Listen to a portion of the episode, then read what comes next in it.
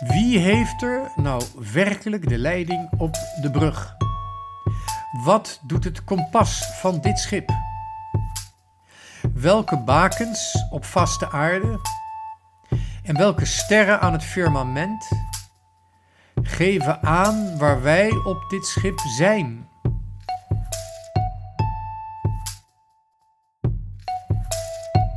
In deze podcast gaat Pater Elias op zoek naar wat echt is. Hij gaat de uitdaging aan om een zo helder mogelijk beeld te vormen van hoe de wereld in elkaar steekt. Dit is de Pater Podcast. De vorige keer in deze Pater Podcast heb ik geprobeerd uit te leggen wie voor mij Paus Benedictus XVI is geweest. Namelijk de stille wijze man op de achtergrond. Allereerst omdat hij een theoloog is geweest, zoekend naar de verheldering van het geloof, ten behoeve van allereerst de gelovige, als dienaar van de gelovige. Als theoloog is hij een theoloog geweest zoals God het bedoeld heeft. En dan is een theoloog inderdaad een rustig iemand, een geduldig iemand op de achtergrond die probeert antwoorden te vinden. En ook te voorzien in behoeftes van gelovigen die hij kan waarnemen, die hij kan onderscheiden. Zoals bijvoorbeeld de speciale toestemming die Paus Benedictus XVI heeft gegeven om de heilige mis volgens de Tridentijnse ritus te vieren. Benedictus was de stille man op de achtergrond voordat hij paus werd, toen hij paus werd. Allereerst als de theoloog dus. Vorige keer ben ik er niet aan toegekomen hoe hij ook die stille wijze man op de achtergrond is gebleven als emeritus paus. En dat ga ik nu proberen te doen. Een emeritus paus die aanwezig is en weliswaar niet meer op de voorgrond is, maar toch nog zichtbaar is. En ook rekening houdt met die zichtbaarheid. Het is niet voor niets dat de emeritus paus Benedictus in zijn witte kledij, zijn witte uniform is blijven rondlopen. Alleen dat al is een teken, bedoeld of onbedoeld, maar het is in ieder geval een teken dat hij toch nog voor ons een betekenis had in Gods voorzienigheid. Omdat hij een bepaald uniform, een bepaalde betekenisvolle kleding bleef dragen, had hij dus ook voor ons nog een betekenis. En allereerst moet gezegd worden dat het inderdaad een unicum is, iets in de geschiedenis dat we nog nooit hadden meegemaakt. Ook al is het eeuwen geleden, eeuwen geleden voorgekomen dat een paus zijn ontslag nam, en daarover hebben de media het de hele tijd. Ze komen daar vaak op terug. Het is nog nooit gebeurd dat die paus aanwezig bleef. In de stilte, op de achtergrond, maar wel aanwezig bleef. En daar moeten wij als christenen wel vragen bij stellen. Wat kan dat unieke, nog nooit voorgekomen feit te betekenen hebben?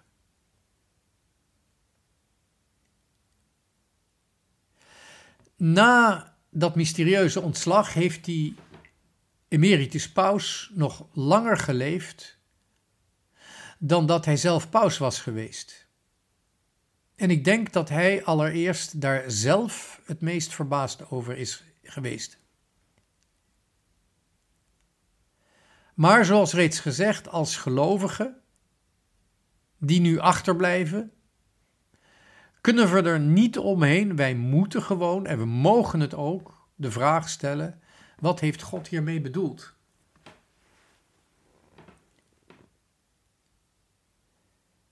Een emeritus paus, aangesproken met Heilige Vader en gekleed in het wit, is uniek in de geschiedenis van de kerk. En persoonlijk ben ik dankbaar geweest voor die aanwezigheid.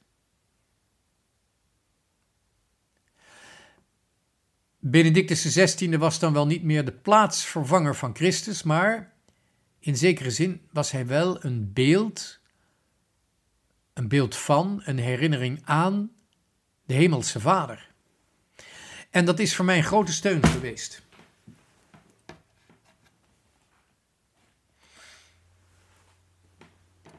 Want nu hij weg is, nu hij uit deze wereld weg is gegaan,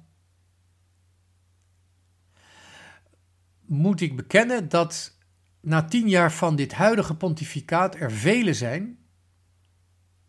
Dat wil zeggen, ik beken dat ik er één van ben. Er zijn velen die zich afvragen wat de koers van het schip van onze kerk nu zal zijn. Wie heeft er nou werkelijk de leiding op de brug?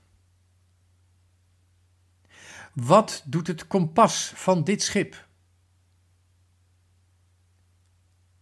Welke bakens op vaste aarde en welke sterren aan het firmament geven aan waar wij op dit schip zijn en waar we heen gaan, welke koers we gaan varen? Er is een enorme onrust. En helaas, ik moet bekennen, die onrust komt niet in het minst door de huidige paus zelf. Zijn uitspraken en zijn leerstellingen zijn vaak nogal verwarrend. Er is ook verwarring over hoe belangrijk die uitspraken zijn en of het werkelijk gaat over kerkelijke leerstellingen of om pedagogische opmerkingen. Het lijkt allemaal best wel strijdig te zijn. En, precies zoals dat hoort, komen er dan vragen.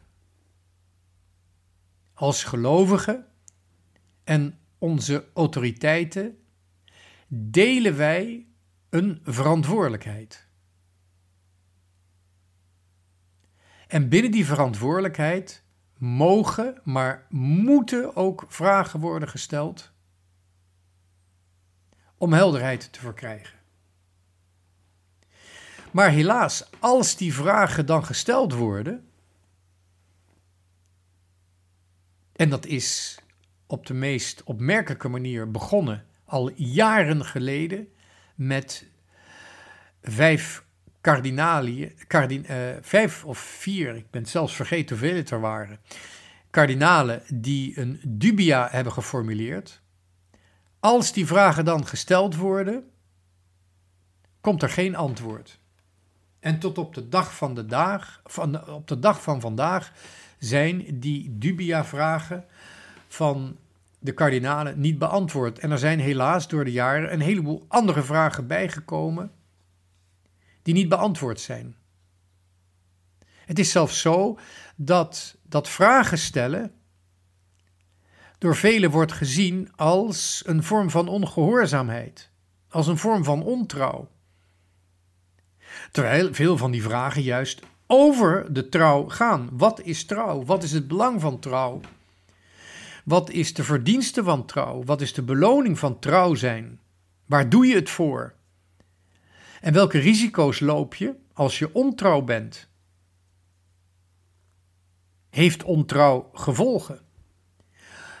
Over al die dingen zijn vragen, maar er komen geen antwoorden op.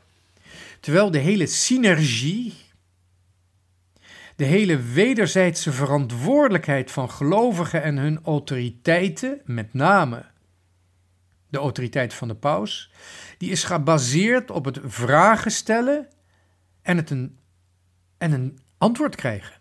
En een antwoord proberen te formuleren. De gelovigen regeren de kerk. En hun dienaars, dat zijn de autoriteiten. De voetwassers zijn de autoriteiten. En het wezenlijke van hun taak is vragen over het geloof beantwoorden.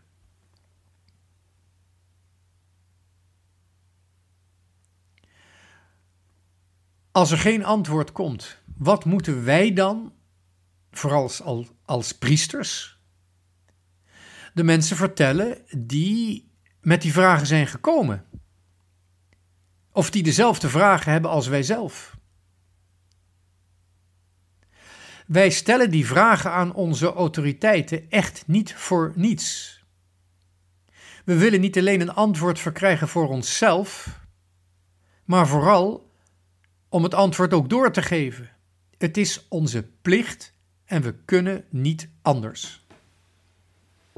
En juist als ik nadenk over die plicht, over die verantwoording die ik moet afleggen met de mensen die ik, waarvan ik het geloof deel, als ik nadenk over die verantwoordelijkheid tegenover de mensen waar, waar ik van houd en die ik van God moet ontvangen, in het licht van God moet verwelkomen, de mensen die, de zielen die zoeken naar het licht van God, juist als ik in mijn verantwoordelijkheid nadenk over het licht dat ik moet doorgeven, dan moet ik zeggen dat het niet makkelijk is, om het zachtjes uit te drukken, om in deze tijd, in dit pontificaat, je plicht uit te oefenen en je roeping te beantwoorden.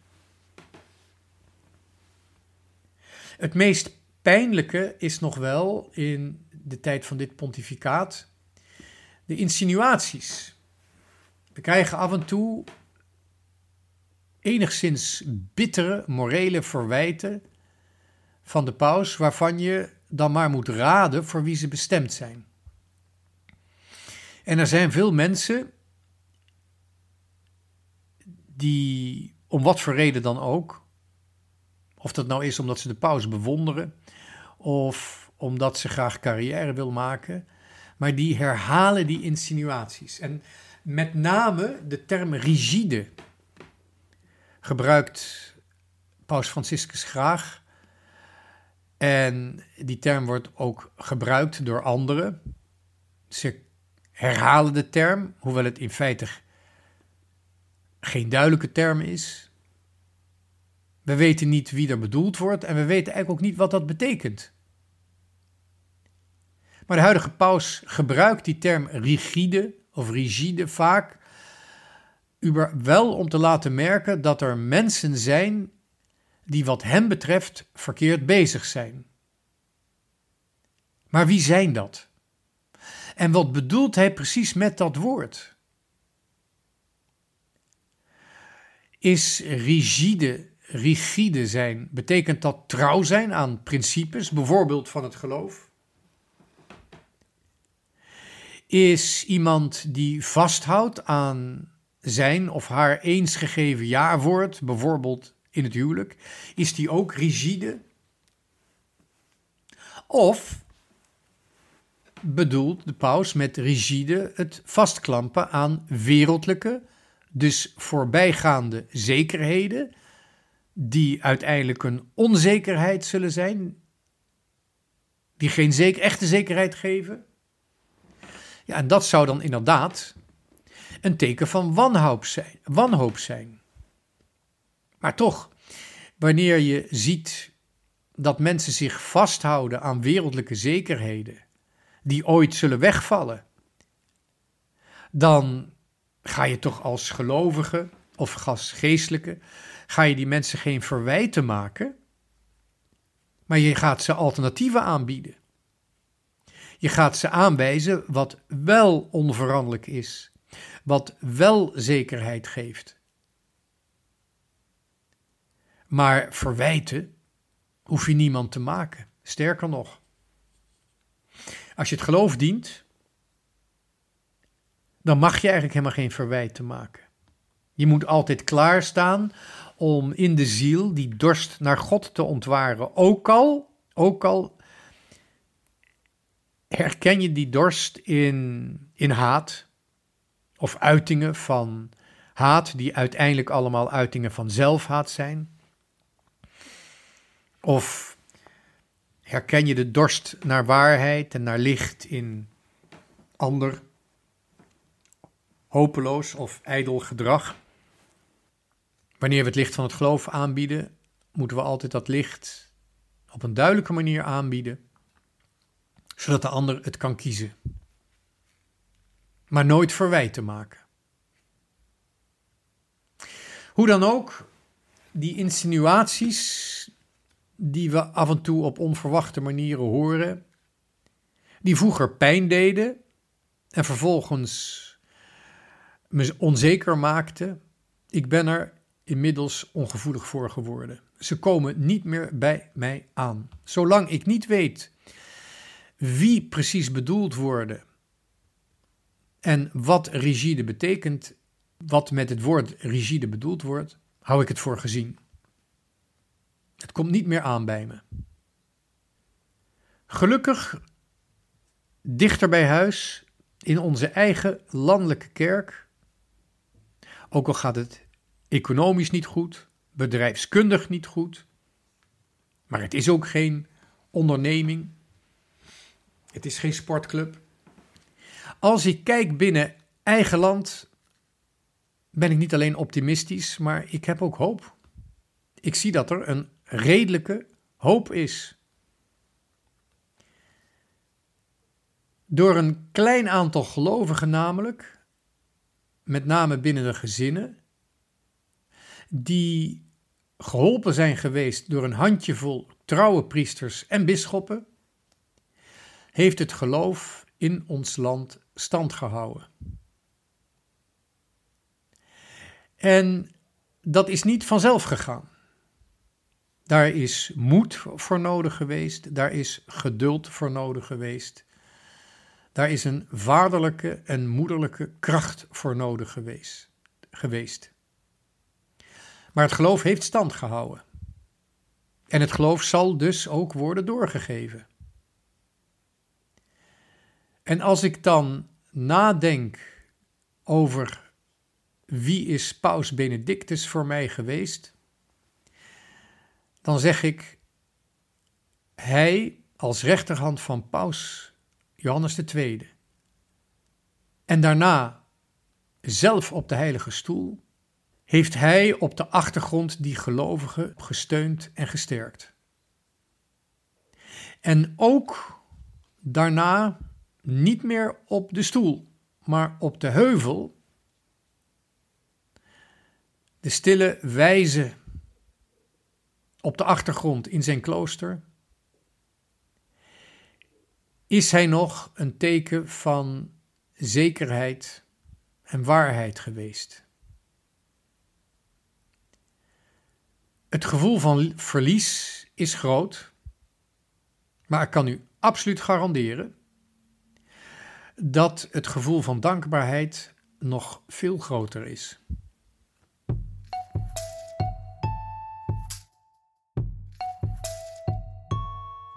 Dit was de Radio Maria Pater Podcast met Pater Elias. Deze podcast is online terug te luisteren via de website van Radio Maria en andere podcastplatforms.